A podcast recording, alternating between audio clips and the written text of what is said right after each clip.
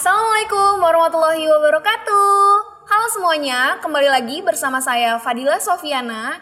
Nah, pada kali ini saya akan menemani Anda dalam refleksi khusus dari KPI Berbicara yang akan membahas pemikiran tokoh-tokoh yang ada di dunia.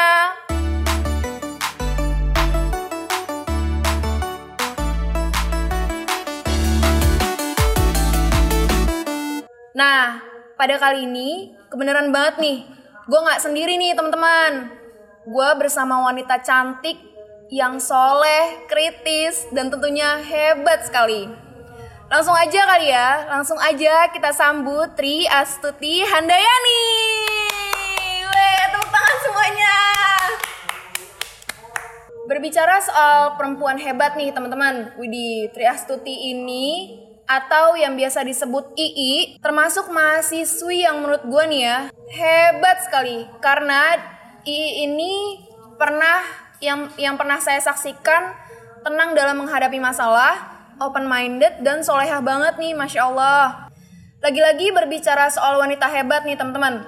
Tepat pada hari ini adalah hari wanita terhebat se-Indonesia yaitu Hari Kartini Perlu kita ketahui nih teman-teman, perempuan yang sering kita dengar namanya Raden Ajeng Kartini Jojo Adiningrat atau Raden Ayu Kartini lahir pada tanggal 21 April 1879 di Jepara.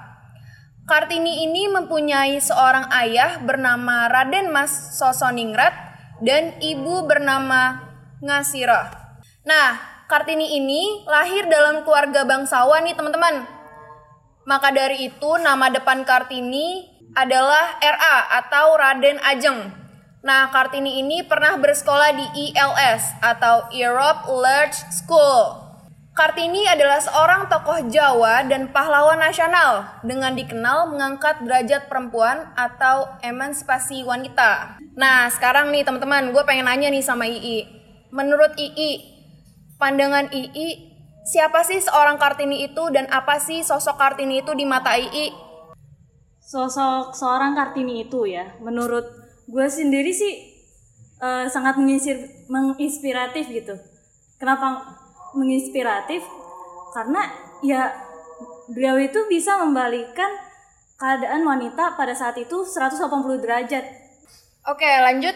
Uh, hal apa sih yang buat Kartini mengangkat derajat perempuan Nah, kan kalau pada zaman dulu tuh pas lagi masanya gitu kan. Seakan-akan kasta sosial perempuan sama laki-laki dibedakan. Kasta sosial perempuan ada jauh di bawah dari laki-laki. Perempuan gak bisa bebas untuk keluar, menempuh pendidikan, atau bahkan memilih pasangan hidupnya. Nah, dengan alasan itu, makanya Kartini itu berusaha gimana sih caranya untuk menaikkan derajat sosial perempuan itu biar setara sama laki-laki. Jadi ibaratkan uh, perempuan itu disetarakan lah ya derajatnya sama perempuan eh, sama laki-laki. Iya, jadi ya ya masa kita mau dibedain gitu kan? Ya kita sama-sama manusia gitu. Masa dibedain? Kita nggak boleh mendapatkan hak yang sama dalam pendidikan gitu. Iya, setuju, setuju, setuju. Uh, bagaimana asal mula Kartini mengangkat derajat perempuan tuh gimana sih asal mulanya gitu? Hal yang pertama dilakukan adalah dengan melalui pendidikan dengan melalui pendidikan itu adalah suatu cara yang paling gampang untuk efisien ya. Yang uh, suatu cara yang benar-benar langkah awal lah ibaratkan ya pendidikan itu.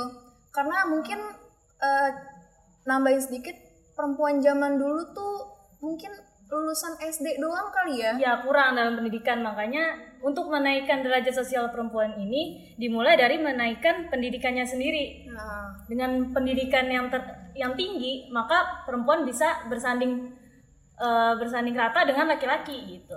Pemikiran-pemikiran apa sih yang Raden Ajeng Kartini ini pikirkan dengan, uh, tentang emansipasi wanita? Nah, emansipasi wanita ini kan adalah uh, suatu hal untuk pembebasan perbudakan gitu kan. Uh, yang berkaitan dengan persamaan hak dalam berbagai aspek kehidupan masyarakat. Nah, sedangkan wanita pada zaman dahulu juga kan pernah menjadi suatu hal yang tabu. Iya. Bahkan kalau dulu gitu kan ada yang melahirkan anak perempuan dikubur hidup-hidup karena mereka merasa malu kalau punya anak perempuan. Hingga pada di Indonesia masih sangat terbelakang dengan kemajuan peradaban. Makanya di Indonesia masih agak telat gitu.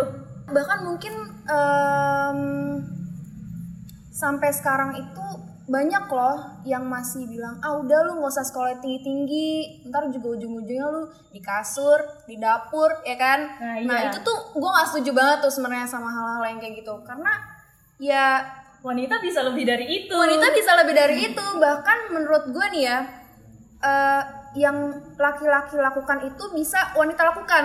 Tapi wanita wanita yang bisa wanita lakukan itu belum tentu laki-laki bisa lakukan. Contoh melahirkan mengandung menyusui. Itu kan kalau laki-laki nggak bisa tuh. Terus eh, muncul jadi eh, kalau nggak salah waktu itu gue pernah baca juga eh, Kartini itu pernah ngirim surat nih ke temennya yang ada di Belanda. Terus kalau nggak salah tuh ada konflik-konflik gitulah. Nah itu tuh perdebatan apa aja sih yang muncul setelah Kartini tulis surat untuk sahabatnya? Nah, perdebatannya itu sih bisa dibilang munculnya karena ada pemalsuan surat-surat yang ditulis sama Kartini kepada sahabatnya yang di Belanda. Oh gitu ya, jadi cerita-cerita seorang Kartini dari awal mula dia berpikir mungkin gimana caranya membangkitkan derajat seorang perempuan sampai bahkan beliau ini em, mengirim surat pada sahabatnya dan mungkin itu adalah satu eh, salah satu jalan yang menuju penaikan derajat perempuan.